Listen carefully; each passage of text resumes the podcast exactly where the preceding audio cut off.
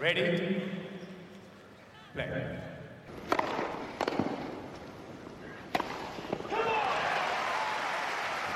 Merhaba, Inside Out'un 35. bölümüne hoş geldiniz. Bu hafta da çok güzel konular var önümüzde. Ben Anıl. Ben Gökalp, merhaba. Evet Gökalp, bir Masters turnuvasından öbür Masters turnuvasına geçtik ama bu turnuvada maalesef olay yerinden bildiremiyoruz. Geçen sene Madrid'deydik. Ee, bu sene değiliz. Ama samimiyetle söyleyeyim benim en çok sevdiğim Masters turnuvasına geldik. Ee, gerek takvimdeki yeri, gerekse turnuva atmosferi, gerek seyircilerin olaya kattığı enerji ve renk olarak gerçekten Masters seviyesindeki en keyifli turnuvalardan biri sırasındayız şu anda. Sen ne düşünüyorsun? Evet bence de e, Madrid çok e, zaman olarak güzel turnuva çünkü hemen öncesinde yorulmuş olmuyor oyuncular. Şimdi Roma'ya geçerken mesela Madrid'de dökülenler olacak. Ondan sonra e, kompleks de çok iyi. Genelde gidenler de çok yüksek profil oluyorlar tabii Masters olduğu için. Şimdi de turnuva güzel başladı gayet. Gayet güzel başladı. Öncesinde hafif hafif ısınma turnuvaları oldu. 250'lik ATP'ler. Ee, isteyenler orada biraz toprak korta tekrar adapte oldu. Çok güzel antrenman tesisleri var Madrid'de ve aynı zamanda da e, turnuvanın atmosferi öyle güzel ki buradaki oyuncular da e, üst düzey bir performans e, göstermek için seyircilere yönelik çok ellerinden geleni yapıyorlar. Yani o da seyirci faktörü çok çok önemli. Yani hafta içindeki maçları izliyoruz. E, kortlar dolu. Yani e, pazar evet. akşamı Felix'le Şapo'nun maçında maşallah vardı tribünlerin. Davidovic Fokinha biliyorsun Nur Topu gibi yeni bir e, İspanyol yıldız adayımız oldu bu süre zarfında. Onun maçı da yenilmesine rağmen e, çok keyifli ve e, renkli geçti. Yani ilk tur, ikinci tur demiyorlar İspanyollar. Turnuva atmosferine kendi kişi, şahsiyetlerini de katmaya devam ediyorlar. Evet turnuvada çok hikaye de var. Hı. Zaten onları konuşmaya geleceğiz. İstiyorsan bir menüyü söyleyeyim ben sonra yavaştan konuşmaya başlayalım. Şimdi e, dediğin gibi Monte Carlo'dan beri biz podcast yapmıyoruz. O zamandan beri toprakta neler Maşallahı oldu? var ya. Çok kısaca geçeceğiz. Neler olmadı ki? ondan sonra ondan sonra e, Madrid konuşacağız. Kurayı. Şimdi biz bugün bunu çarşamba günü kaydediyoruz ama yayına cuma gireceğiz. Onun için e, önemli bir kısmı atlayacağız. Şimdi erkeklerde 3. turlar bitmiş olacak biz kaydederken. E, çeyrekler oynanmış olacak. Evet aynen öyle. Cuma günü yayına girdiğimizde çeyrekler oynanıyor oynanmış olacak. Onun için pardon erkekler ikinci, ikinci turlar bitti. Biz o arayı da tahmin edip çeyreği falan filan konuşmaya çalışacağız. Kadınlarda da çeyrekler e, belli oldu. Biz konuştuğumuzda yarılar oynanıyor olacak Cuma günü. Onun için biraz ileri görüşlü ya... tahmin yapmaya çalışacağız. Ondan sonra ATP'de e, kazan şu anda kaynıyor. E, ATP'nin başında. O konuya bir değineceğiz. Neler oluyor? Sonra da haftanın enlerini yapıp programı kapatacağız. Gökalp herhalde Monte Carlo'daki kadar yanılamayız diye tahmin ediyorum. Dolayısıyla hani daha ne kadar dibe vurabiliriz tahmin konusunda. işte... Ya Monte Carlo'da yanılmayan varsa ben onun elini sıkmak ya, istiyorum. O ÖSS'de kaydırma yaparak doğru şıkkı işaretlemek gibi bir şey olur herhalde. İstiyorsan Monte Carlo'dan itibaren bizi bir getir bakalım Madrid Masters'a. Hangi turnuvalar oynandı bu arada? Evet. Kim kazandı? Neler oldu? İstanbul Cup var arada falan Şimdi, filan değil mi? Aynen öyle. Biz en son Monte Carlo'yu bıraktığımızda Nadal Peyya'yı biraz zor bir maçla almıştı, yenmişti. Biz de dedik ki evet aynen her şey devam ediyor. Hiçbir şey aynen devam etmiyormuş. Bu toprak sezonu 2004'ten beri Nadal'ın hala kupa kazanmadığı Madrid'e kadar ilk sene oldu. E, Monte Carlo'yu zaten hatırlarsınız. Fognini orada Lajovic'i yendi finalde. Sonra Barcelona'ya geçildi. Barcelona'da Dominic Thiem eledi. Nadal'ı yarı finalde yendi ve sonra Medvedev'i eledi. E, Guido Pei orada çeyrek final gördü. Ben kısaca turnuvaları hemen anlatayım sonra Hı-hı. yorum yapalım erkekler üstüne sonra kadınlara geçeriz. Hı-hı. Sonra 250'lik turnuvalar oynandı. Burada e, üzüldüğümüz bir hafta var. Estoril ile Münih haftası. Çünkü o hafta şu ana kadar İstanbul'da o evet. hafta oynanıyordu. ATP Maalesef. İstanbul. Ne yazık ki o takvimden çıktı bu sene itibariyle. E, Barcelona ile aynı hafta Budapeşte'de 250'lik bir turnuva oynandı ve Matteo Berrettini İtalya'dan Krajanovic'i finalde yenip şampiyon oldu. Sonraki 250'lik haftasında Estoril'de Tsitsipas Cuevas'ı yendi. E, Münih'te de Christian Garin Matteo Berrettini'yi yendi. Berrettini güzel bir iki hafta geçirdi orada. Adını iki defa okuduk. Deyip sözü sana vereyim. Kimleri konuşmak istersin? Yani kısa kısa geçelim istiyorsan çok e, detaylarda boğulmadan. E, Tsitsipas gerçekten istikrarlı bir şekilde devam ediyor. İnşallah bu sene onu da daha keyifli bir şekilde izlemeye devam edeceğiz. Davidovic Fokinya Estoril'de e, güzel bir sürpriz yaptı. Çok genç bir oyuncu, 19 yaşında. E, Madrid'de ilk turda elendi ama çok güzel bir maç çıkardı. Önemli Wimbledon bir isim. şampiyonu biliyor musun? E, gençler iki- 2018 miydi? Geçen senenin Wimbledon şampiyonu yanlış hatırlamı ya da o 2017 miydi? Olabilir. İkisinden birisi. Evet, iki- pa- 2017 herhalde ya Gökalp. Şimdi çok şey olmasın, yalan olmasın da e, Zverev ayrılık acısının etkisiyle garip performansını sürdürüyor. Madrid'de tekrardan bir konuşmamız lazım onun zaten. Çünkü geçen senenin şampiyonu. E, onun haricinde tabii ki Berrettini'yi ben de istikrarlı buldum ama hani katı, güzel turnuva seçti biraz da. Öyle de demek lazım. Ama tabii ki diğer katanların arasından sıyrılması da yine önemli bir başarı. Benim ilk aşamada erkeklerde dikkatimi bu isimler çekti. Ben de e, kısaca söyleyeyim. Böyle finale çıkmayıp yine de böyle güzel turnuva oynayan birkaç isim var. Guido Pella güzel bir toprak sezonu geçiriyor. Hı hı. İki tane çeyreği var. E, Laszlo Cere o Şubat ayında Rio'yu kazanmıştı 500'lüğü. Evet. Burada Budapeşte'de yarı gördü. Madrid'de de iyi gidiyor şu anda. Alejandro Davidovic ben bu çocuğa bayıldım. Yani zaten izlemek istiyordum bayağıdır. Estoril ikinci ATP turnuvasıymış. Ee, ondan önce sadece bir turnuvada oynamış. Ve ya bana çok çok yetenekli geldi. O, o- onu bayağı izleyeceğiz gibi geliyor. Monfils'e çok benzetenler var ama Yo. Bence Monfils'in biraz daha e, ya çok böyle şey atlayıp zıplıyor çünkü ama elleri daha iyi, daha bacakları da daha az çılgın olan hani böyle Monfils'in saçma sapan yaptığı hareketler Evet. vardır. Onun biraz daha değişik versiyonu diyebiliriz. Ben de onu çok beğendim. Çekkinato bir de geçen sene de bu zamanları çok güzel geçirmişti. Bu sene şampiyonluğu yok ama Toprak'ta iyi maç kazanmaya devam ediyor. Evet, o zaman ben de ufak bir cümle kurayım e, Davidovic Fokina hakkında. Yani şey çok ilginç bir kere. Annesi İsveçli, babası Sırp, kendisi İspanyol. Böyle değişik bir kombinasyondan çıktı. Hani tenis adına değişik ülkelerin karması gibi bir füzyon tekniği mi var artık ne yapalım ne diyelim. Ama şey çok önemli bence. Ben tek bir tane e, çok önemli eksiğini tespit ettim. Puan kurgusunu biraz daha geliştirmesi gerekiyor ama o yaşta bu çok normal.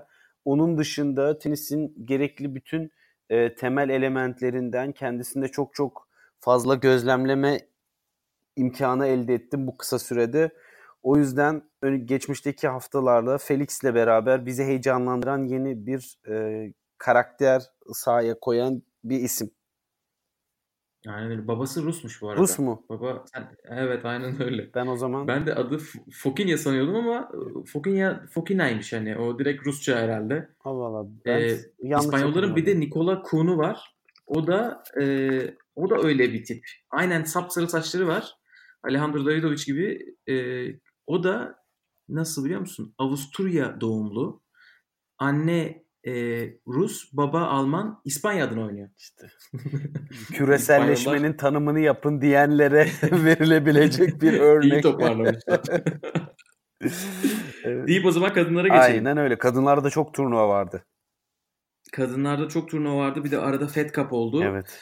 Ee, Premier seviyesinde Stuttgart oynandı. Ee, Premier deyince akıllara gelmiyorsa getirin. Kvitova aldı tabii turnuvayı. Kontaveit yendi.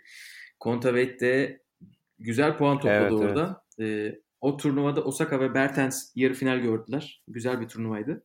Sonra international seviyesinde yani daha düşük seviyede e, Petra Martic e, bir turnuva kazandı Vondroushova'yı yenerek.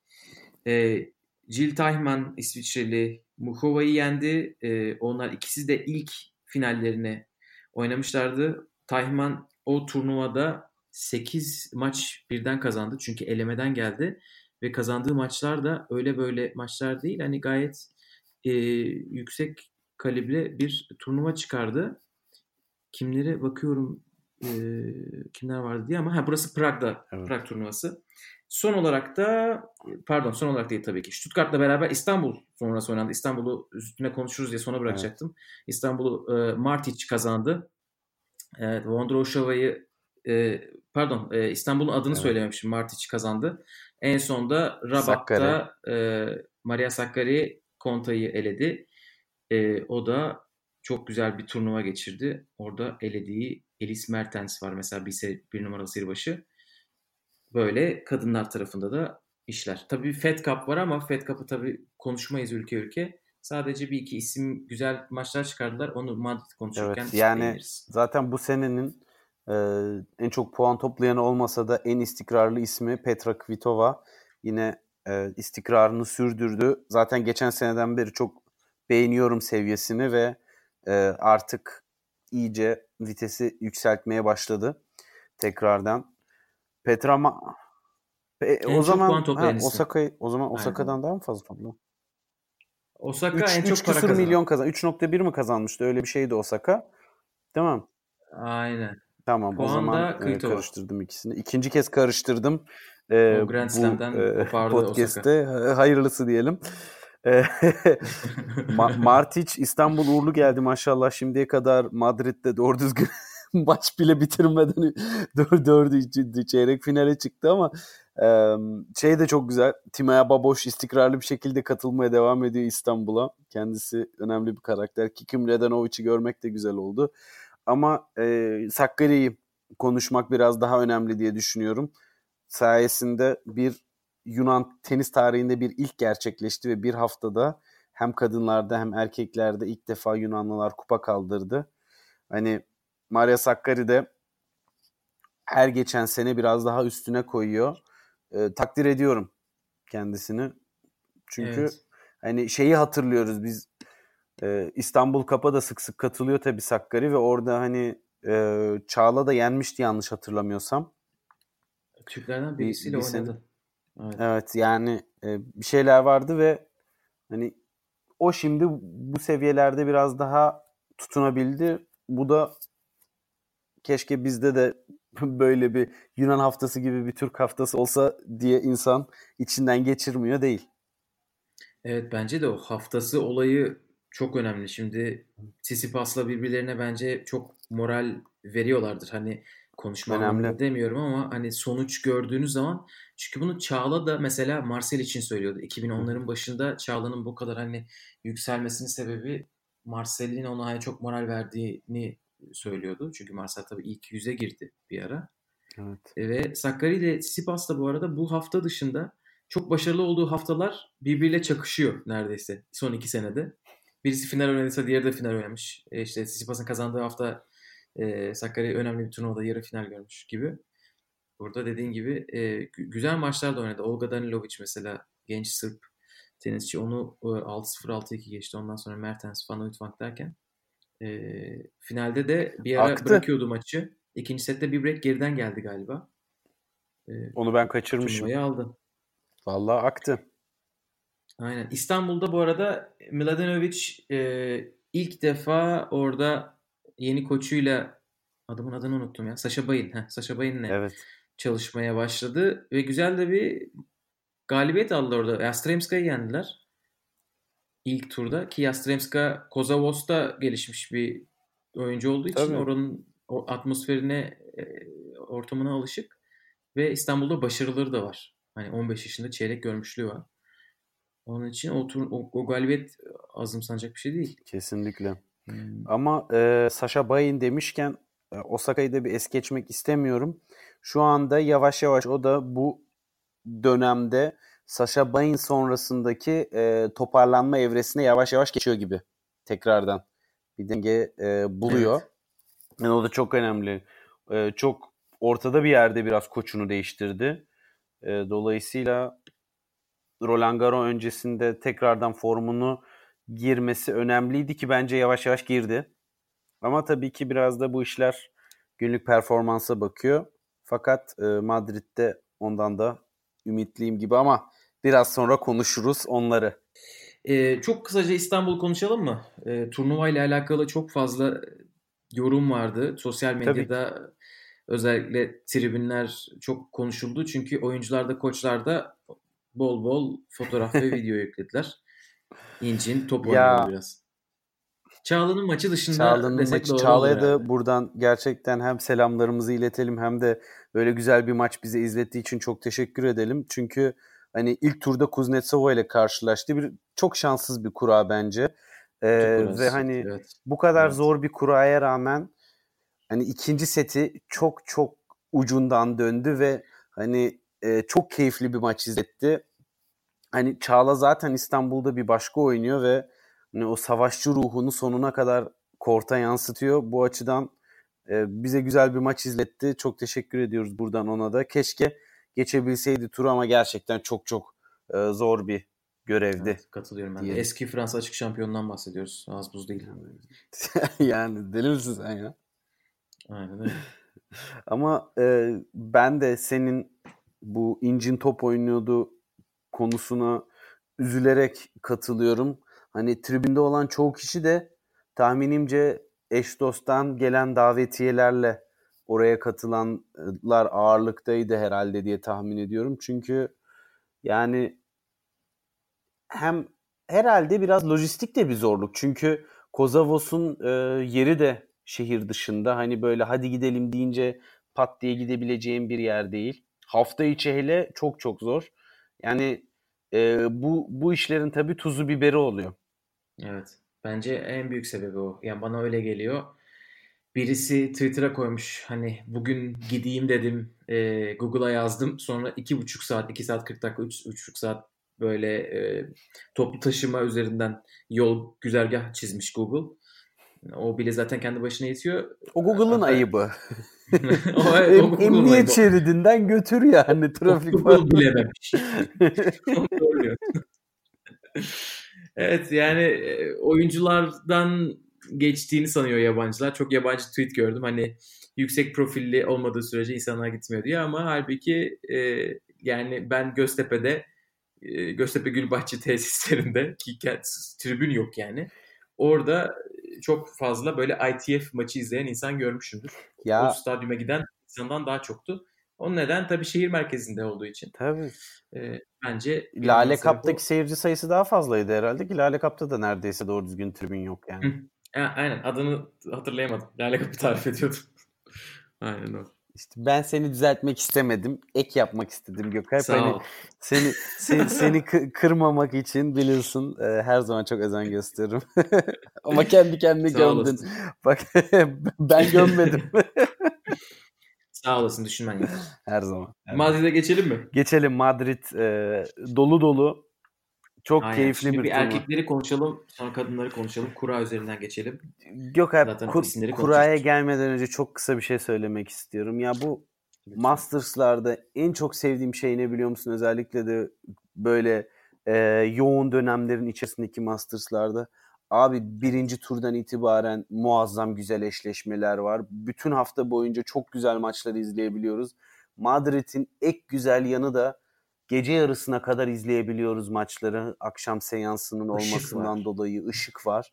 Ve dolayısıyla böyle her an uyuyana kadar tenise doyabiliyoruz ve üst düzey maçları izliyoruz. Hani bu açıdan da hani bir kez daha bu turnuvadan bu turnuvayı neden sevdiğimi e, belirtmek için güzel bir fırsat diye düşündüm. Sen şimdi kuraya Evet. girebilirsin.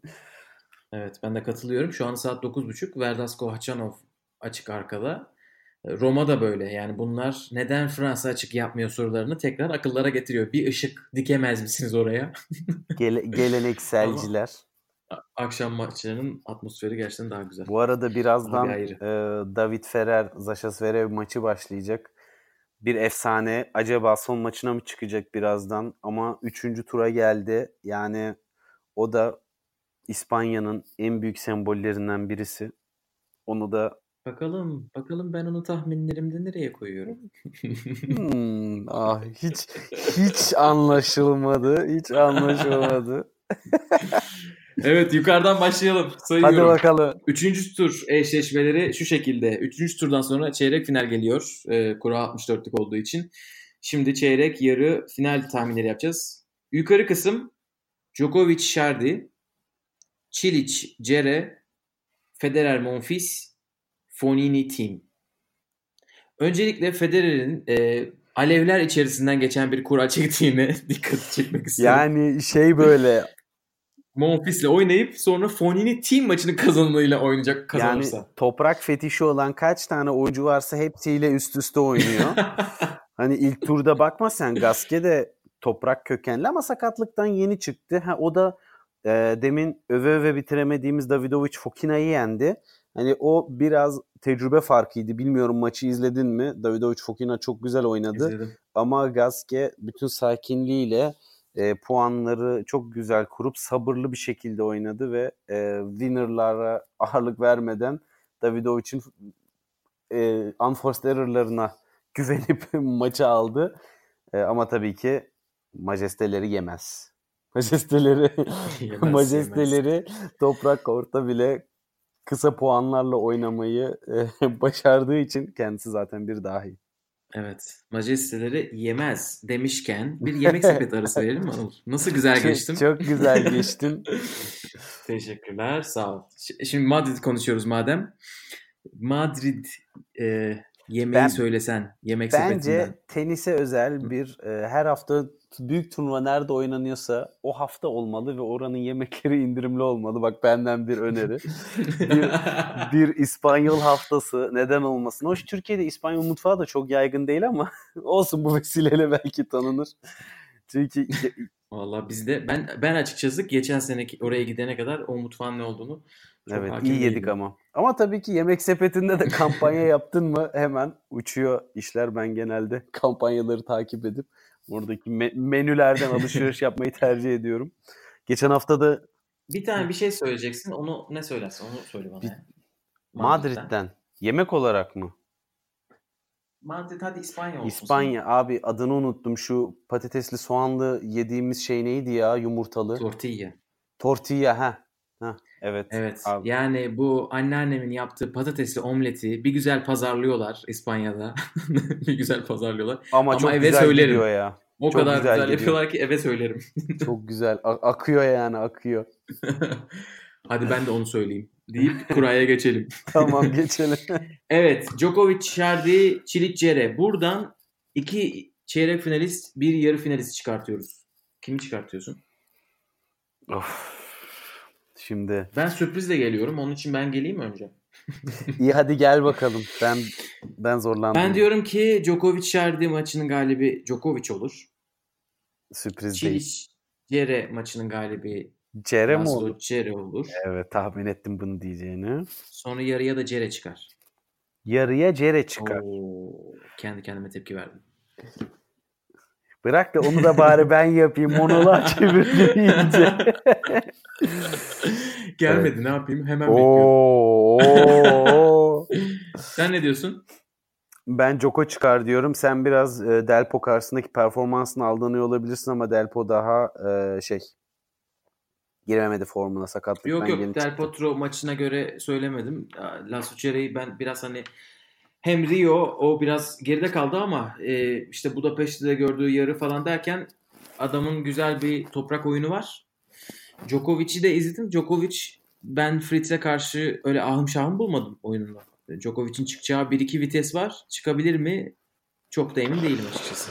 Şimdi bu seneki Djokovic'in Masters geleneğine dayanarak zaten e, yarıya çıkarsa bu senenin en, en iyi performansını göstermiş olacak ama em, ben yine de buradan Joko çıkar diyorum ve biz bunu dediğimiz için buradan Çiliç çıkacak tabii ki.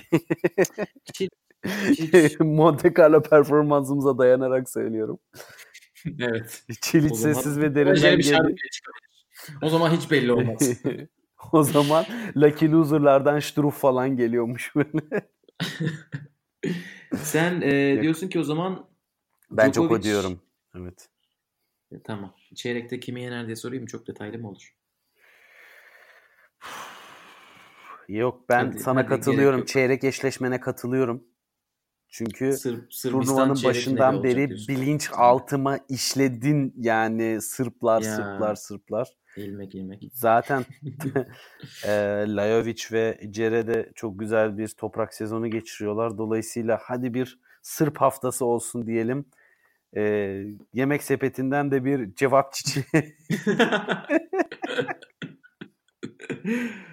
tamam o zaman Cere, Evet. Djokovic iki tane tahmin yaptık ayrı. Aynen öyle. İkinci yarı finalist. Federer, Monfils, Fonini, Team. Abi bura böyle şey gibi ya. Hani e, yazı tura atsan tutturma ya. olasılığı daha yüksek olabilir.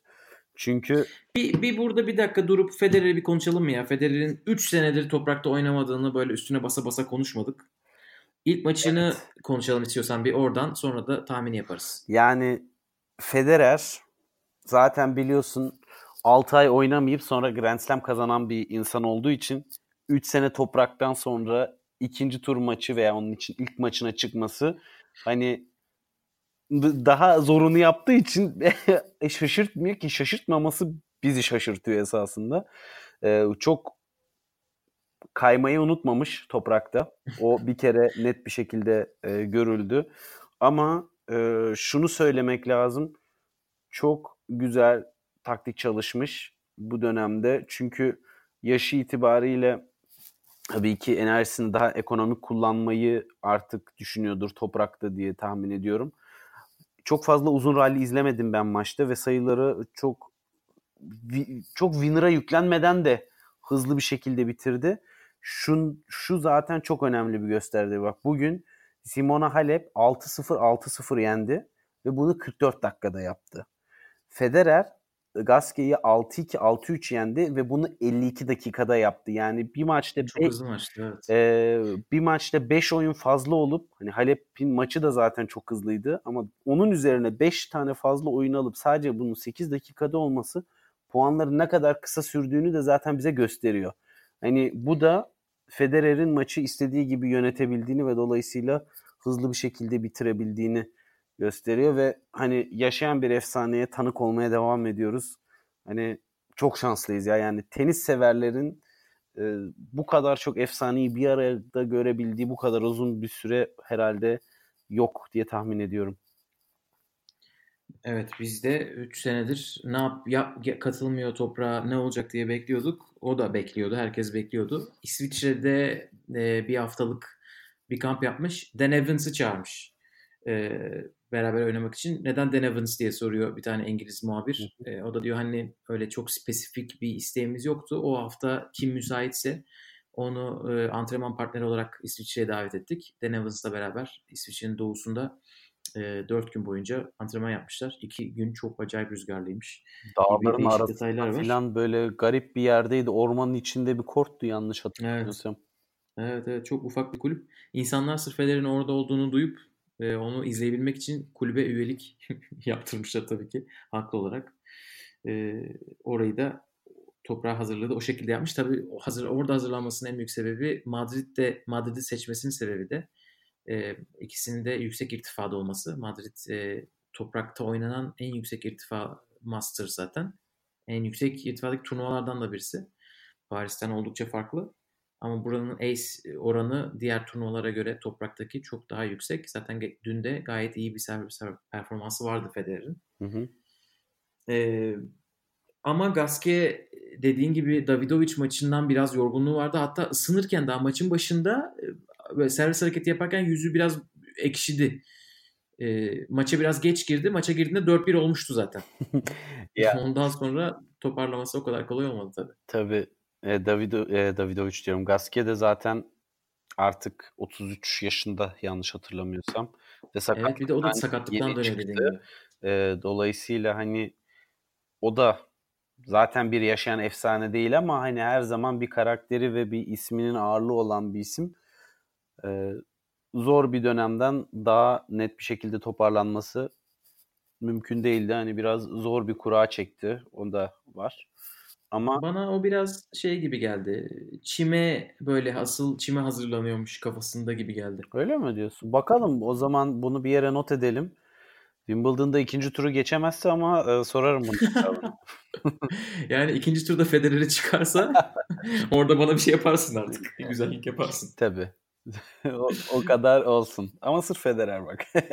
Aynen. Tamam Federer konuştuk. Evet Federer Monfils'ten kimi çıkartıyorsun çeyreğe? Majestelerine. Net. Hani Monfils bugün çok güzel oynadı bu arada ama Monfils'e e, bilmiyorum. Hiçbir zaman çok güvenemiyorum. Yine vücut sınırlarını zorlayan inanılmaz bir vuruş yapmış gördün mü? Ya vuruşu algılayabilmek için üçüncü kez de falan artık yani böyle nasıl çünkü hani normal bir insanın antrenmanda deneyeceği bir vuruş tekniği değil o. Evet. Hani o Bili elastik gibi uzamış. bunu üçüncü set durum 5 üçgen yapacak bir ruh halinde zaten bir Monfils var. Bir de Kyrgios var. Kyrgios elendi. Monfils devam ediyor. Bakalım. Aynen öyle. Ben de Federer diyorum. Çeyreğe Fonini Tim ne diyorsun? Abi Fonini Bu tam bir toprak derbisi ya. Fonini Tim çok politik bir cevap vereceğim. Havadaki nem oranına bağlı. Samimi söylüyorum. Samimi söylüyorum. Ve hani bunu şaka olsun diye söylemiyorum. Ee, toprak biraz ağırlaşırsa Fonini'nin şansı artar. Yoksa team formda alır. Ama gerçi Opelka'ya karşı da e, zor kazanmış. E, izleyemedim maçı. Fakat set kaybetmiş. Tiebreak. Yani İzmir gibi düşün Opelka'yı. Ama ya şöyle eyvallah. Opelka ama da çok ace atmadı. Yani e, Ama toprakta zaten daha az ya diğerlerine göre. ya evet aslında Çevrilmeyen servisler daha yüksek olabilir. aslında evet bu noktadayken onda konuşmak lazım. Bu turnuvanın en kritik e, kazananını belirleyecek belki de en önemli nokta e, birinci servis istikrarı. Yani o şimdiye kadar izlediğim maçlarda oyuncuları maçı koparabilmesini sağlayan en önemli kriterdi şu ana kadar. Biraz servisiyle iniş çıkış yapan çok çabuk seti kaybediyor. Hani bu turnuva özelinde ekstradan dikkatimi çekti. Hani genele yönelik bir yorum olarak da yorulabilir ama bu turnuvada bu çok önem, ön plana çıktı bence.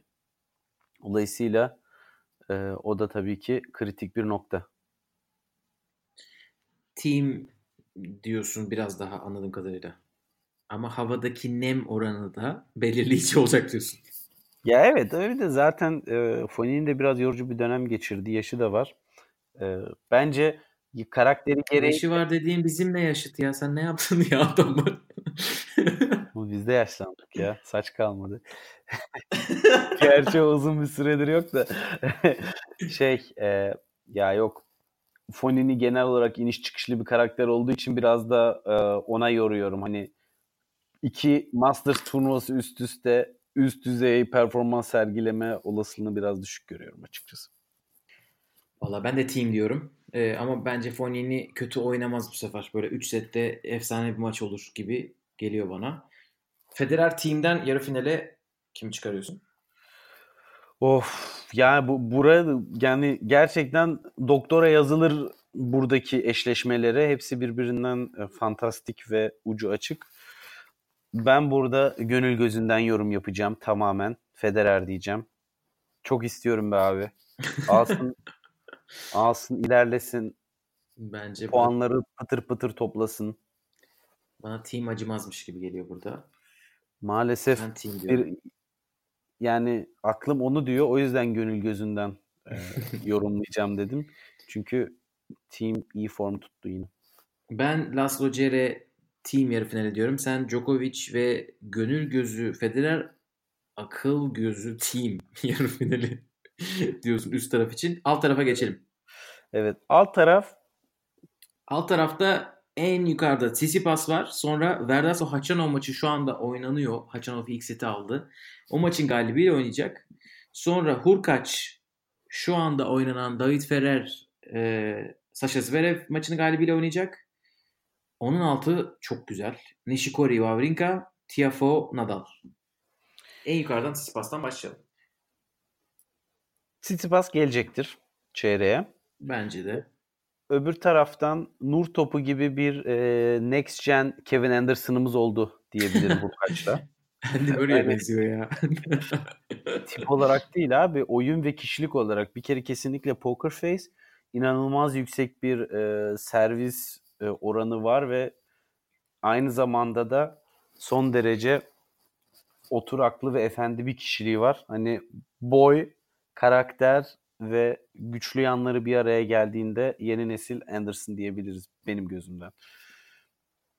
Ee, ve hani tabii ki oradan değerlendirecek olursak şimdi esasında geçmiş seneleri düşündüğüm zaman Zverev 7-6-7-6 alır deyip Tsitsipas Zverev eşleşmesini çeyreğe yazıyorum ben. Ama senden gelecek olana da razıyım. Çünkü şu ben anda Zverev bu maçı alamayacak diyorum. evet, maç Evet. başladı zaten şu anda. Evet maç başladı 1-1 40-0. Hani maçı bakın Ferrer böyle set falan almadı bunu söylerken ben. Evet. Bence bu arada David Ferrer, e, Bautista ve Zverev maçlarının gazıyla finale çıkacak gibi bir hissim var benim. Son turnuva falan filan diye seyirci gazı. E, bu da benim gönül gözüm olsun. Ya bu inanılmaz güzel bir olay olur ve hani çok sevinirim.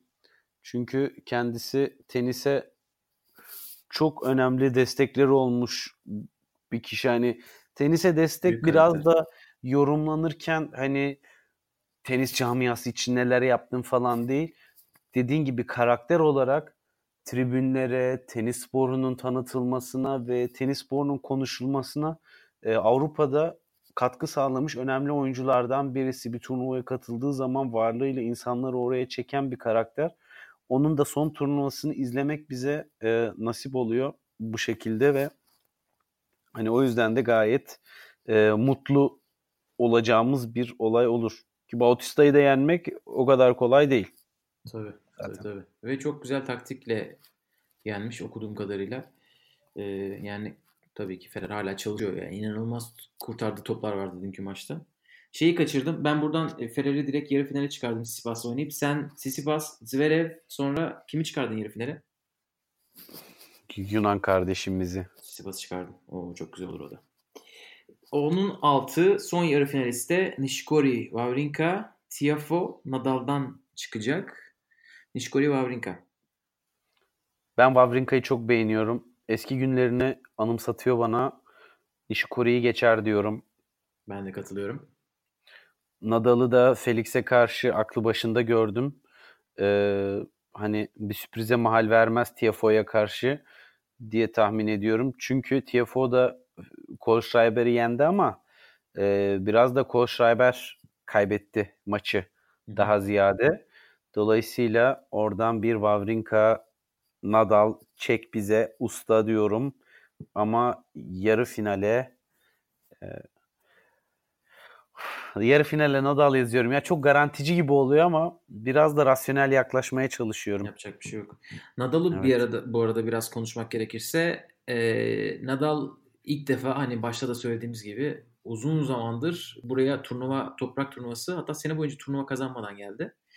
Evet. E, Monte Carlo'da yarıda kaybetti, Barcelona'da da yarıda ama Dominic Thiem'e zaten insanlar kaybetse hani o kadar çok büyük hayal kırıklığına uğramadılar. Çünkü Dominic Thiem Nadal'ı zaten yenmişti toprakta birkaç defa daha önceden.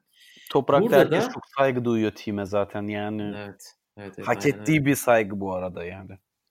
Madrid'e geldiğinde de Nadal artık e, insanlar bu arada Barcelona'da bir sakatlık mı var hala diye konuşurlarken şu anki e, yani uzlaşma şunun üzerinde Nadal e, hani her sakatlıktan çok hızlı döndü. Kendisi de söyledi zaten bu sefer bu kadar hızlı dönemiyorum. E, bu bahsettiğimiz sakatlık da Indian Wells'de çekildiği sakatlık. Hani Avustralya'dan sonra başını ağrıtan. Madrid'e geldiğinde de şu anda midesinde bir sıkıntı varmış. Onun için e, turnuva öncesi basın toplantısını ve pazartesi günkü basın toplantılarını iptal edip ilk defa dün basın karşısına çıktı salı günü. Onun için insanlar biraz korku vardı hani maç, maçtan çekilecek mi? Nadal da tam %100 fit değilim ama Madrid turnuvasını kaçırmak istemiyorum demiş. Onun için sırf bunlardan dolayı bana bir yerde Nadal turnuvada bir yerden çekilebilir gibi geliyor ama Tiafoe'yu Tiafoe maçını alır. Sonra eğer çekilmezse bence de Wawrinka Nadal maçını Nadal e, böyle seviyesini artıra artıra alırmış gibi geliyor bana. Bu arada e, şey ya biraz hızlı geçtik orayı Ferrer Zverev eşleşmesine ama son iki senede beşinci kez mi altıncı kez mi ne oynuyorlar yani E, gerçekten bu sene zaten Ferrer bir kere yenmişti Zverev'i. Şu anda e, hani şöyle bir durum var. Orada da biraz Zverev'i e, açmak lazım. Kendisi çok maç maç istikrarsız değil. Puan puan istikrarsız oynuyor. Dolayısıyla yani senin tahmininde olasılığı çok düşük değil. Bakıyorsun bu adam kimse geçemez. Her sayıya koşuyor, her şey alıyor. Bir bakıyorsun unforced error'ların en basitini yapıyor. Challenger seviyesinde bir kalite gösteriyor. Ben de o yüzden biraz e, Zverev konusunda endişelendim bu seneki performansından dolayı. Bunun akabinde bugün herhalde Zverev hakkında soru sorulmayan e, ünlü kalmadı. Görüyor musun bu arada? Pardon sana değil tepki maç açık mı? Zverev az önce 3-1 oldu. Evet şu anda oldu. Yani ben bu yorumu bir yapmadan çiçek önce kopardı, yere attı ve çiçeği raketiyle geriye fırlattı falan. yani e, şu var. Bugün işte hem Nadal'a hem Djokovic'e e, hem Federer'e birçok insana sordular Zverev ne olacak diye Dominic Thiem'e, Philip Kohlschreiber'e ve hepsi şunu dedi. Böyle bir dönem olabilir. Kendisi çok büyük bir oyuncu. Toparlayacağına inanıyoruz gibisinden herkes şüpheye götürmeyen bir şekilde Zverev'e inançlarını belirttiler. Ama Zverev'de her şey var zaten. Kafa biraz gidik. Evet, Zverev şu anda bir de kişisel olarak zor zamanlardan geçiyormuş. Sen Alman basınından bilmiyorum daha yakın takip ediyor Hı hı. olabilirsin. Ee, kız arkadaşına ayrılması magazinsel kısmı ama e, eski koçuyla davalıymış şu anda. Hani bir sürü yaptığım işin yanında avukatlıkla falan uğraşıyordum. Onları artık bıraktım kafam daha rahat gibi bir şey demiş Madrid'de. Bir de babası hastaymış sanırım. Onun için Almanya'da olduğu için şu anda onunla beraber turnuva turnuva gezemiyormuş. Tam böyle her şey üst üste. Bir de en büyük sıkıntısı Zverev şu anda Fransa açık öncesi 1600 puan falan koruyor. Madrid şampiyonluğu ve Roma finali. Onun için iyice stres de üstüne geliyor. Büyük ihtimalle bu Roland Garros'a yani her şey olağanüstü gitmezse Zverev'in ilk 4 seri başı olarak girmeyeceği anlamına gelebilir. Zaten Roland Garros'daki e, kurasının kaderi işte önümüzdeki hafta çizilecek. Ve ondan sonra işi çok zorlaşacak eğer ki bir şey yapamazsa. Bu sene her turnuva zaten ateşten gömlek. Hem daha çok genç var hem de eskiler maşallah var. Hepsi geri döndüler geçen sene meydanı boş bırakanlar. Dolayısıyla Hı. geçen seneki puanları top, e, savunmakta herkes çok zorlanıyor. Nadal da zorlandı zaten. E, çok fazla turnuvada o yüzden farklı şampiyon gördük bu sene. Bu da ATP'deki e, tatlı, acı, keyifli ve heyecanlı durumu bize çok net bir şekilde özetliyor esasında.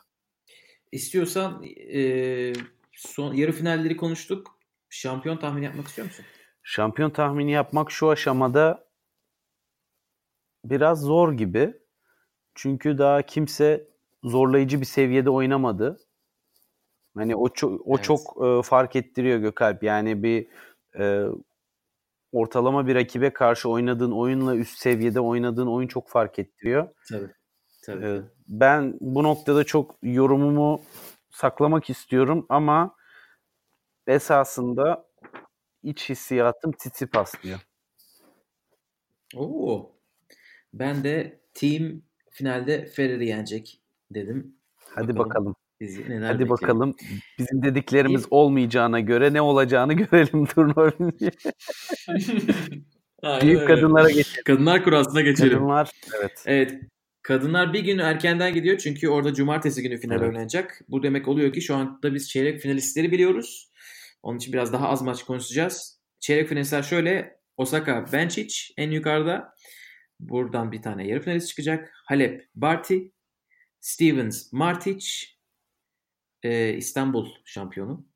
Ve de son olarak Bertens e, o maç bitti mi son maç? Kvitova maçı. Kvitova Garcia maçını galibiyle oynayacak diyecektim ama Daha bitmedi sanırım. Hemen bakayım. Kvitova o maçı almıştır Ee, diyorduk. bakıyorum. En son götürüyordu ama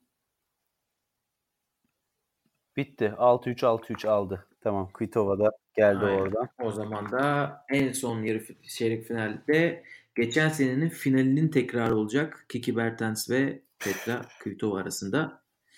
Yukarıdan başlayalım. Osaka Benčić. Yani Çok alev alev çeyrek finaller e, oldu.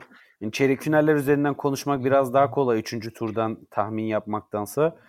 Çünkü biraz renkler belli oluyor. Ee, Hı hı. ben her ne kadar Osaka yavaş yavaş toparlandı desem de bench iş diyorum ya. Ben gerçekten bench işin performansını son turnuvalarda çok çok beğeniyorum. Ve hani daha da genç, çok üstüne koya koya gidiyor. Ee, senin İsviçre'de olmandan bağımsız olarak ben bench içiciyim. Ben işin o tarafında. Ee, ondan sonra Ben burada Osaka dedim. Osaka dedin. Ve çok ortada ama yani tamamen hani Osaka bu ara iyi gözüküyor diyerek yoksa ben hiç Osaka'yı Indiğimez'de yendi bu sene. Onun için e, yani aslında nasıl yeneceğini de aklında taze yani hafızasında. Osaka'da Nadal'la biraz oynadı akademide. Bilmiyorum gördün mü? Evet. Evet evet gördüm doğru. O da önemli bir şey tabii ki iyi bir erkek seviyesiyle antrenman yapmak. Çünkü biliyorsun kadın erkekler kendi aralarında çok beraber antrenman yapıyorlar. Kadınlar neredeyse hiç ve çoğunluğu erkeklerle antrenman yapmayı tercih ediyor. Tabii ki bir toprak ustasıyla toprak sezonu öncesinde hazırlığını yapmak da e, yani Onlar beraber oynamışlar ama ben akademisinde çalışmış gibi düşündüm. akademisinde çalıştı. Ben oynadı diye biliyorum. Hani e, ama video görmedim. Sadece bir pozları var. evet, evet. beraber ama Ben aynı zamanda akademilerdi. Öyle de bir şey var. Ee, Ee, evet o, o da moral bile Evet. yeter yani zaten orada çalışmanın. benim bile yani oraya gittim Nadal'ı izledim benim bile oyunum yükseldi yani hani hani bana etkisi oluyorsa adamı izlemek Seni de bundan sonraki turnuvada yarı finalde görüyorum.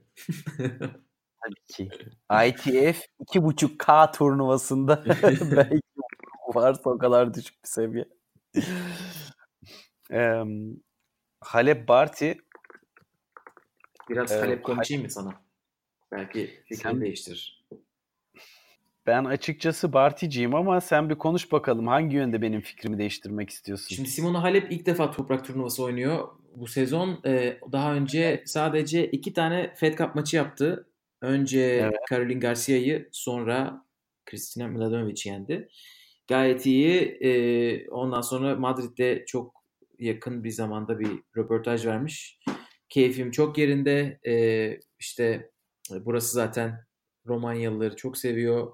E, Madrid turnuvasının sahibi zaten Ion Tiryak. E, eski Rumen tenisçi iş adamı. Oraya gittiğimde ben çok mutlu oluyorum. Bir de Madrid'i iki defa kazandığı için Halep burada iyice kendini evinde hissediyor.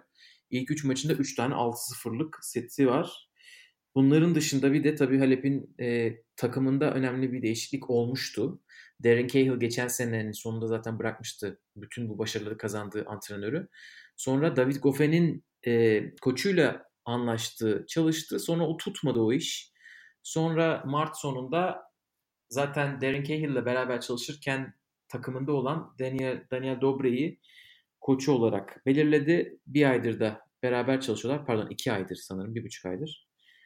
Onun için Halep'te böyle işler yoluna gitti. Böyle toprağı ben çok seviyorum. En se- sevdiğim sezon başladı moduna girdiği için Barty her ne kadar formda olsa da ben Halep bu maçı alacakmış gibi düşünüyorum. Hatta evet daha da gidecek gibi geliyor bana. Değiştirebildin mi fikrini? Çok fazla sağlam argüman verdin. Ama ben yine de ya biraz ya kadınlar tenisi çok daha fazla günlük performansa dayanıyor biliyorsun ki. Ee, ben yine de Barty diyorum ya. Eyvallah. Maksat dahakine- sende farklı Bir fikirler de dahakine oldu. Barty röportajı dinleyeceğim. Sloane Stevens, Petra Martic. Yarı finale kim çıkar? Ben Sloane Stevens diyorum. Sloane Stevens'da da işler güzel gidiyor bu arada. Kendisi nişanlandı. Eski Bursa sporlu. Bursa Josie bir süre oynamış Altidor'la.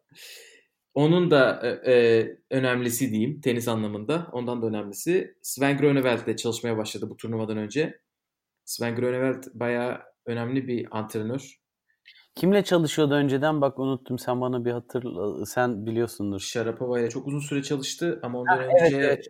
ondan önce bayağı isim var. Ana Ivanovic'ler, Mikhail Stich falan filan var. e, en son bir böyle next gen bir Çinli çocukla çalışıyordu. Bir süre çalıştılar sonra Gröneveld böyle e, atarlı bir tweetle ve annesiyle anlaşa, anlaşabilen bir koçla çalışması gerekir onun diye böyle atarlı bir tweetle onu sonlandırdı. Şu anda Stevens'la çalışıyorlar. Ee, oradan güzel bir şey çıkabilir. Evet. Ben Zaten- bunları deyip deyip bu arada ben Martic yazmışım biliyor musun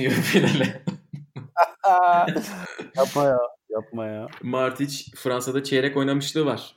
Herhalde o geldi aklıma. Bir de İstanbul'u kazandı. Oradan bir şey kurduk? Bilmiyorum. Hiçbir fikrim yok. Ya ben Stevens'ta kalıyorum. Mantıklı. Mantıklı olanı yapmışsın. Ben sebebini hatırlamıyorum. Şu ana kadar çok da yarı mantıklı yarı e, hissi tahminlerle ilerliyorum ama hayırlısı bakalım. Son olarak da Kiki Bertens, Petra Kvitova. Ne yani yani ikisi de çok sevdiğim tenisçiler ve Bertens biliyorsun çok fazla kez konuştuk. Büyük tenisçilere karşı büyük oynayabilen bir isim. E, Bu cümleyi de onun için sanırım beşinci kez falan kuruyorum. Ama Kvitova'nın bu seneki istikrarı hani Bertens sürpriz olur. Kağıt üstünde kesinlikle Kvitova alır görünüyor. Ben Bertens rövanş alır diye düşünüyorum. Ee, onu ben yarı finale yazdım. En sonda Halep Bertens'i yenip şampiyon olur dedim. O da güzel. O da güzel. Olabilir. Olabilir. Var mı WTA tarafına eklemek istediğin bir şey yoksa biraz Justin Gimelstop konuşalım. Ee, Cimelstop'a geçmeden önce çok kısa söyleyeyim.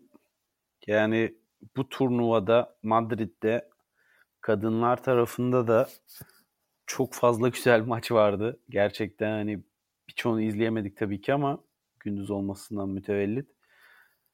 Ya ben sana bir şey söyleyeyim mi? Bu Madrid Masters'taki birçok eşleşme seviye olarak Roland Garros'dan daha heyecanlı ve keyifli geçiyor ya. Hani bir turnuvanın Evet seyir zevki açısından çok önemli bir şey bu bence. Hani 64'lük turnuva yani 128'lik bir turnuvadaki e, oyun kaliteleri ve birinci tur, ikinci tur maçlarındaki seyir zevkleri 64'lük bir turnuvayla arasında gerçekten çok fark olabiliyor ya. Ve bu arada Zverev rebreak yaptı. Bekletip bekletip bunu bekledim. Cümleyi uzattım uzattım. Ee, bu arada WTA konuşup Serena konuşmadan geçmeyelim. Şimdi aklıma geldi. Serena Madrid'e katılmadı. Roma'da şu anda ve Roma turnuvasında geri dönüş yapıyor kortlara. Madrid'den Met Gala'ya katıldı ondan sonra Roma'ya gitti. Evet, işin magazin tarafını da söylemen lazım yani. Ağzından aldım lafı valla. Erken uzun yaşayacaksın. Eğer Wikipedia'ya girerseniz Madrid'den çekilme sebebi Met Gala'yı onun sahibi olması. Eventi e, düzenliyor olması. Artık nasıl deniyor bilmiyorum. Co-chair olarak adlandırmışlar. Beş kişi beraber. Bir tanesi de Serena Williams'mış. E, onun için şu anda Roma'ya ancak gelebildi kendisi. Madrid'de yoktu. Ve kortlardaki fantastik kıyafetlerini hangi seviyeye çekebilir deyip Met Gala'da bunu çok başka bir seviyeye taşıması tabii ki organizasyonun da yapısı gereği. çok renkli görüntülere sahne oldu kendisi ama seviyoruz Serena'yı da. Kendisi go- goatların goatlarından yani. O yüzden Aynen öyle. sonsuz. O zaman ATP konuşalım mı biraz? ATP'nin Biraz ver Jimmel stop ver. Katakullilerini Evet. kazan kaynıyor yine. Şimdi ben sana şöyle anlatayım. Ee, olayı ne kadar biliyorsun? O kadar detayı detaya gireyim. Ya Cadılar Bayramı kısmını biliyor musun? Samimi bir şekilde şunu söyleyeyim. Bu konuda senin kadar detaya hakim olmam mümkün değil. Çünkü herhalde senden daha fazla detaya hakim olan insan sayısı çok da Ya yok vallahi çok fazla okuyamadım ama sırf podcast'e geliyorum diye insanlar dinlerken farklı bir şey belki yakalayabilirler diye bir yer birkaç yer okudum şimdi. Ee, şöyle başlayayım o zaman. Sen arada girersin. ATP'nin yukarıdaki yönetim kurulu yani karar mekanizmasında 6 kişi var. Bu, bu 6 kişinin 3 kişisi oyuncuları 3 kişi de turnuvayı temsil ediyorlar. E, oyuncuları temsil eden kısmı da e, play oyuncu konseyi var. Gerçekten oyuncuların olduğu. Onlar tarafından belirleniyor. Ve onların oyuncuların daha çok e, işte haklarını kollamakla yükümlüler. Oyuncularla turnuvalarda genelde çakışıyorlar. Ve bu senelerdir ATP'nin, WTA'nin en çok e, işte şikayet ettiği nokta. Djokovic şu anda bu arada e, konseyde başkan pozisyonunda. Yani oyuncuların hepsinin e, başkan olarak Djokovic duruyor. Yani ATP'de oyunculardan bir laf gidiyorsa yönetim kuruluna bu Djokovic başkanlığı üzerinden ilerliyor. E, oyuncularla turnuva arasında da genelde şöyle bir sıkıntı var. Oyuncular diyorlar ki siz hak ettiğinizden daha fazlasını alıyorsunuz pastanın pay olarak.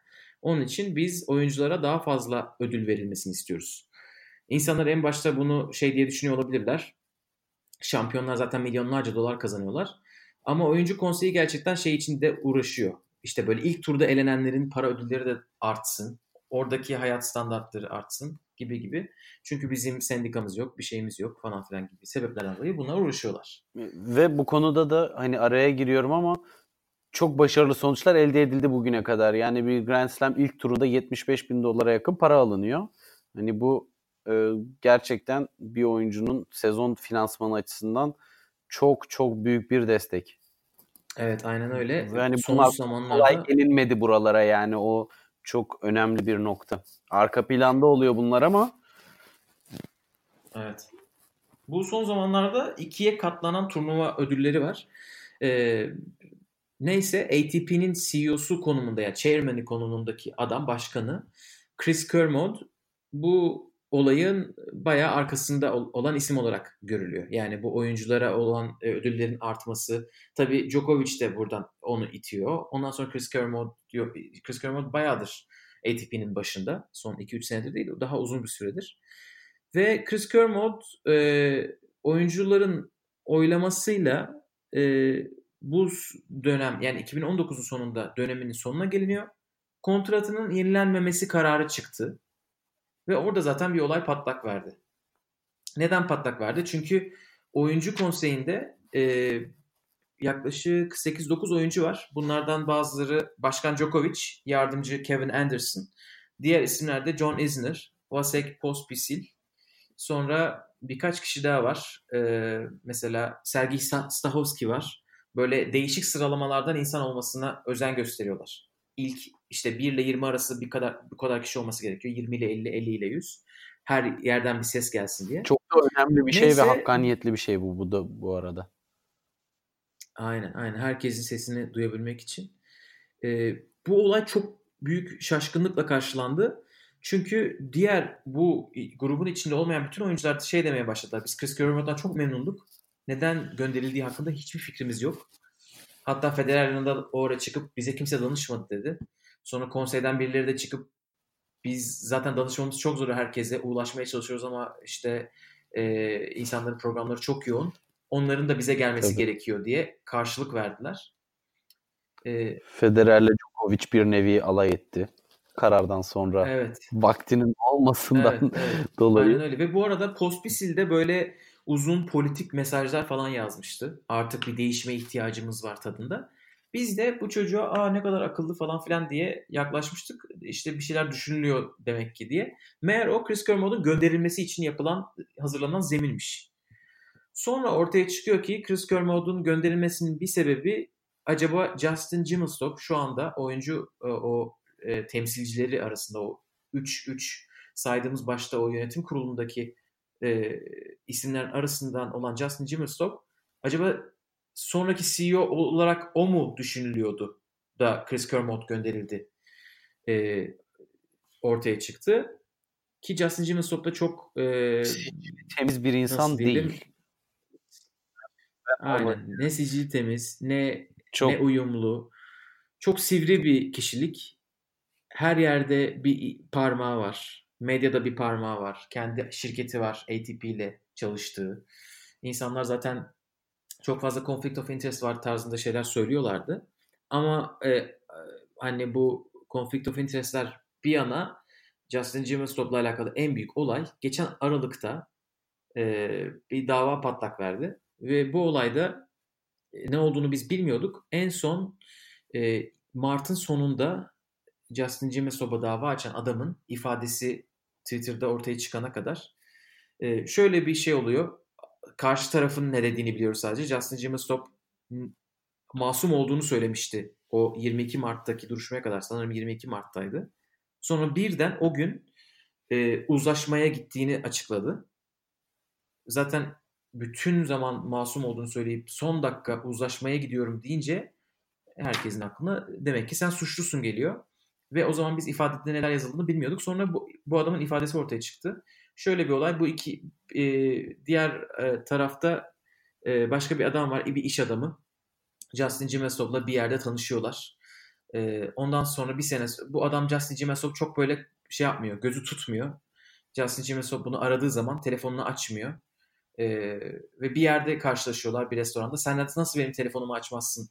Sen e, hani karımın takımını mı tutuyorsun? Böyle tam İngilizceden çevirdim ama Justin Jimesov da bu arada o arada karısından boşanıyor ve herkesi şey diye kodlamış. Ya benim tarafındasın ya karımın. Sen onun tarafını mı tutuyorsun? Nasıl şey yapmazsın falan filan diye adama çıkışıyor. Sonra adam yok, yok diyor ben seninle görüşmek istemiyorum falan filan deyip konuyu kapatıyor. Ve üstünden bir zaman geçiyor. Geçen sene Cadılar Bayramı'nda bu adam çocuğunu alıp Amerika böyle filmlerde olur ya bir sokağı kapatırlar. Herkes trick or treat yapar. Şeker toplar çocuklar. Çocuğunu alıp öyle geziye çıkıyor. Ve ne olduğunu anlamadan bir yerden bir ses geliyor. Adını duyuyor. Ve çat diye birisi arkadan yatırıyor bu adamı. Justin Jim'e sokmuş bu. Ve adamın kafasını yumruklamaya başlıyor abi. Ve yanında karısı ve çocuğu varken. Neyse adamın ifadesine göre 50 defa falan yumrukluyor. Böyle adam hala başı şeymiş yani hala baş ağrısı varmış kalıcı. Ee, ve hani böyle acayip şiddet suçu işledi. Hatta seni öldüreceğim diye bağırdı beni yumruklarken falan filan. Ya böyle inanılmaz bir dava. Hani her, herhangi bir böyle park cezası ya da e, öyle bir kusur falan filan yok ortada. Çok büyük bir sıkıntı var. Neyse e, bu olay çıktıktan sonra ifade çıktıktan sonra ATP'den kimse bu adamı gönderelim diye bir şey söylemedi. Ne yukarıda konseyden ne de oyunculardan. Hiç kimse hiçbir şey söylemedi. En son e, 10 gün sonra sanırım ya da belki 10-15 gün sonra adam kendisi çıkıp işte çok yakın oluyor bu geçen hafta oluyor. Şey dedi ben evet görevimden ayrılıyorum. Ee, daha işte dikkat etmem gerekirdi. Olayların siz sadece bir kısmını biliyorsunuz. Ama işte e, o, o da sizin görmediğiniz kısımları var falan filan deyip e, Madrid'de artık oyunculara sorulmaya başlandı sorular. Çünkü arada Wawrinka bir açıklama yaptı sosyal medyada, Twitter'da. E, çıkıp dedi ki siz e, nasıl hiçbir şey yapmazsınız bu zamana kadar? ATP'de artık bir şeylerin değişmesi gerekiyor. Bizim e, moral seviyemiz, hani nasıl deniyor ona, etik değerler ATP'de artık dibe batmak üzere bir şeylerin değişmesi gerekiyor tadında. Sonra artık e, bu artık Madrid'de ilk defa oyuncular bundan sonra basın toplantılarında sorulmaya başladılar. Djokovic, e, Federer çok politik cevaplar vermişler. Federer sanırım olayın biraz daha kapalı kapılar ardında çözülmesi tarafına saygı duyuyor. Çünkü o da başkanlık yapmıştı uzun süreler, uzun seneler. E, Djokovic de hani Wawrinka bu arada Wawrinka bu mesajı yayınladıktan sonra sanki böyle insanlar biraz Djokovic'i hedef alıyormuş gibi okumuş ama Djokovic'i çok fazla laf etmiyor. Daha çok böyle e, temsilcilere laf atıyor. Bu sosyal medya mektubundan bir gün sonra Wawrinka Djokovic'le antrenman yaptı. Millet bir şaşkınlıktan kendine gelemedi. E, Djokovic de şey dedi Wawrinka için. E, hani dediklerine katılıyorum. Bir şeyler değişmesi lazım. İnsanlar burada sorumluluk almalıydı. Ama değiş şekline katılmıyorum. Bu sosyal medyaya gitmek yerine bize söylenmesi gerekirdi gibi bir açıklama yapıyor. İyice politikacı oldular başımıza. Ama e, işin kısa vadedeki sonucu Justin Jimmerstop şu anda yok. E, gönderildi. Kendisi gitti artık gönderildi bilmiyoruz ama kendisi gitti resmi olarak. E, CEO'da olmayacak. O önceki CEO'yu da kovdular. Yazık o adamı. Jimmy Stop da yokken şu anda e, Chris Kermod'un yerine kimi getireceklerini de bilmiyorlar. Ee, şu anda artık şey konuşmaları başladı. Justin Gimestov yerine kim gelsin? Nadal böyle İspanyolca konuşan biri gelsin falan filan demiş. Artık biraz daha e, geleceğe dair konuşuluyor ama şu ana kadar olanlar biraz garip e, politik şeyler oldu. Bir taht oyunları oynandı. Bence çok güzel anlattın. Yani benim anladığım kadarıyla Obama sonrasında Donald Trump'ı getirmeye çalıştılar ama burada tutmadı o iş gibi.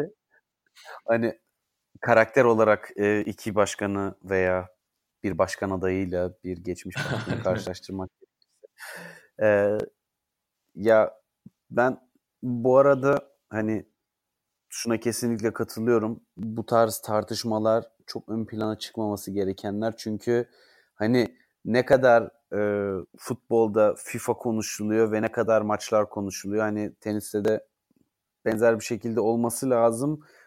Bence çünkü bu politik işlere zaten hani kamuoyunun birçok fazla etkisi yok. Bir hani seyirci tarafını çok e, etkileyen bir durum da yok.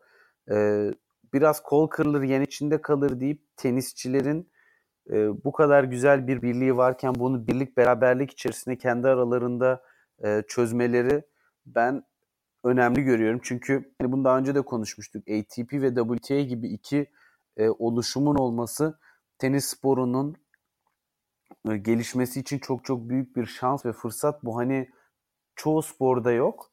Özellikle bireysel sporlarda böyle bir şeyin olması zor fakat çok değerli ama yıkılması da e, çok tehlikeli olabilecek bir şey. Çünkü işler ITF'in eline kalırsa ITF'in en kötü ATP CEO'sundan hallice e, kararlar vereceğini zaten bize bu puanlama sistemindeki davranış şekilleriyle gösterdiler deyip ben de bu konuda bir e, kabaca yorumumu yapmış olayım. Evet çok bence güzel bir analoji oldu. Obama Trump. E, iş biraz oraya doğru gitti. Evet Obama Trump Roma'da da yeni seçimi yapacaklar oyuncular. Evet yani Obama Trump demişken hazır siyasete girdik. Bence Madrid'in e, enlerini de e, konuşacağız sosyal medya olayında ama biz de bu noktada Madrid'deki e, seyircilere selam gönderip her şey çok güzel olacak diyelim buradan değil mi? Aynen orada iki tane kişi gerçekten yiğitler gibi çıkıp bağırmış. Çünkü orada bağırmak çok büyük. Genel olarak bağırmak çok zor. Hani puan için haydi diye bağırmak bile Anıl, Anıl beni biliyor. Hadi bağıralım hadi bağıralım. Bir de baskı uyguluyorum. O genel olarak zor bir şey. Bir de çıkıp onu bağırmışlar. Ayrıca helal olsun. Ben biraz daha Gökalp'e göre e, hani podcast'te belki biraz daha efendi takılan Gökalp olabilir ama tribünlerde kendisi tam bir holigan. Yani tenisin el verdiği kadar. tenis, e, tenis holiganı hani biraz tatlı su holiganı gibi oluyor tabii ki ama. o zaman haftanın enlerine öyle bir geçiş yapabiliriz. Geçelim, geçelim. Haftanın oyuncusunu kim olarak seçtin? Tabii ki. Tabii hafta demiyoruz da artık konuşmadığımız zamanını da kapsayabiliriz ama sen söyle. Konuşmadığımız zamanı genel olarak kapsıyorsak e, Fonini, son haftalar diyorsak Tsitsipas, e, şu anı diyorsak Zverev çünkü seti aldı falan. Şu bulunduğumuz anı. Yok, e, Fonini diyorum çünkü bu yaşta bir Masters ilk defa elde etti ve çok hani senelerdir gösterdiği e, toprak potansiyelini sadece belli maçlarda çok üst düzey oynamıştı. Bunu bir turnuvaya yaymayı ilk defa başardı. Dolayısıyla kesinlikle kendisine gidiyor. Ben de team diyeyim burada. Yükselen oyuncuya kim diyorsun? Yükselen oyuncu o kadar çok var ki ama çok sıcak olduğu için e, Alejandro diyorum. Davidovic. Fokina. Artık şey yaparım.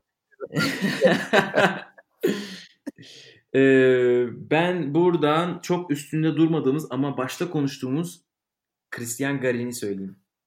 Münih'i kazanan. Münih'i kazanmadan önce bu arada e, Monte Carlo'dan önce de o bir tane 250'lik bir turnuva kazandı. Bir de senenin başında Güney Amerika'da oynanan kısımda da bir turnuva e, ya finali ya da zaferi var. Ve kendisi böyle 3-4 senedir kayıplarda bir ara bir çıkış yapmış sonra kendini bulamamış. Onun için iyi bir yükselen oyuncu profili Bu gösteriyor. arada parantez açıp kadınlardan Sakkari'yi de e, söylemek istiyorum. Yani Evet. onu da Evet, evet. Ben şimdi kadınlara bakıyordum. Tahman'la Sakkari'yi de ekleyelim o zaman. Haftanın sosyal Haftanın medya olayı. sosyal medya olayı et Gokiçko diyorum. Ee, gerçekten her şey çok güzel olacak. Ee, hashtag ile tribünlerden gelen paylaşımın inanılmaz bir etkileşim gösterdi. Hani ben de sen, bak Ya şöyle söyleyeyim. Bana arkadaşlarım tenisle alakalı olduğu için senin tweetini e, WhatsApp üzerinden gönderdi. Gökalp sen nereden tanıyorsun diye sorduğumda abi tanımıyorum ya Twitter'da böyle şeyler dolanıyor falan diye millet bana tweetini yolluyor. Hani ki hani çevremde çok fazla tenisle haşır neşir insan da olmadığı için beni yani ben de e, gerçekten bağıranların tweetini bulduğum için çok mutlu oldum. Çünkü hani onlar bağırdılar biz kredisini aldık gibi video- olmasın diye. veya Sonradan foto ekledim. kredi değil bu seferki bağırma krediti. Ee, onun için aşağıya hani fotoğraf veya video yerine hangi sembol konulabilir bunu da e, Twitter'a sormak lazım bence. Yok sonraki tweet ekledim benden çok like aldılar onun için keyfim yerinde. Şöyle Keyfime geldi. ben o olayı da senin e, tweetinden gördüm. Tüyler diken. Gerçekten dediğin gibi. Evet.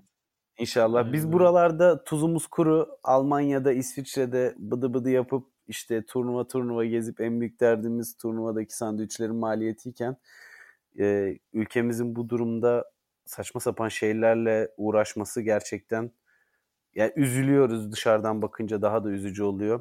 Ama çok büyük bir umut veriyor da aynı zamanda şu andaki kenetlenmişlik. Her şey çok güzel olacak diyelim tekrardan. Demeye doyamıyorum zaten.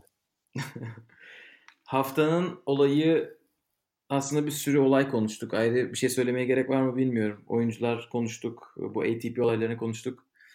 Başka aklına gelen bir şey var mı? Şunu atladık dediğin. Şunu atladık diyebileceğim Koçlar konuştuk. Bir sürü şey konuştuk aslında. Evet yani onun dışında ekstra çok üstüne eklemeye gerektirecek bir şey yok. Hani çok istersek Serena Williams'ın kıyafetinin detaylarını artık şu an e, 1 saat 12 dakika oldu.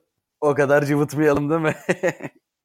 Aynen. Haftanın maçıyla kapatalım. Var mı aklına gelen şu maç? Çok güzeldi dediğin bir maç. Oo, çok zor soru sordun. Çok zor soru sordun. Bir tane ipucu vereyim. Zaten çünkü podcast'tan önce konuşuyorduk. Sen söylemiştin. Fener Bautista Ha, maçı. evet. Ama o biraz da duygusal etmeni var. Olsun ya. Onlar da Evet. sayılır. Onlar da atmosfere katıyor. Yani Madrid özelinde evet olabilir. Onun dışında çok fazla maç olarak ön plana çıkaracağım hafızamda kalan bir maç yok. Evet yani şimdi düşünüyorum ben de Team Nadal da öyle çok böyle efsane bir maç değildi. Estoril'deki maçlar da ha belki e, Davidovic'in Ha, yenildiği maç. O çok güzel bir Evet, maçtı gerçekten. evet, doğru diyorsun. O güzeldi. Böyle bayağı heroik bir bitirişi oldu. Kupa niyetine bir Cuevas da çocuklarını kaldırdı sanırım o maçtan sonra yanlış hatırlamıyorsam. O şey, Finalden, sonra sonra. mıydı? Pardon. Evet, evet. Gözümün önünde vardı. Tamam. O zaman Diyelim ve de bu bölümü burada bitirelim. bize bu buraya kadar dayanabildiyseniz teşekkür ederiz. Ee, o zaman en kısa zamanda tekrar görüşürüz diyelim. Bir sonraki podcast'te görüşmek üzere. Maçları ihmal etmeyin. Çok güzel maçlar oluyor. Mesaiden çıkın, evinize gidin. Biraz maç izleyin. Siyasetten uzaklaşın. Kafanız biraz rahatlasın. Hayat biraz daha güzel görünecek. Çünkü her şey çok güzel olacak değil mi? Bu olacak. Madrid'de de olacak. Aynen öyle. Kendinize iyi bakın. Hoşçakalın. Güle güle.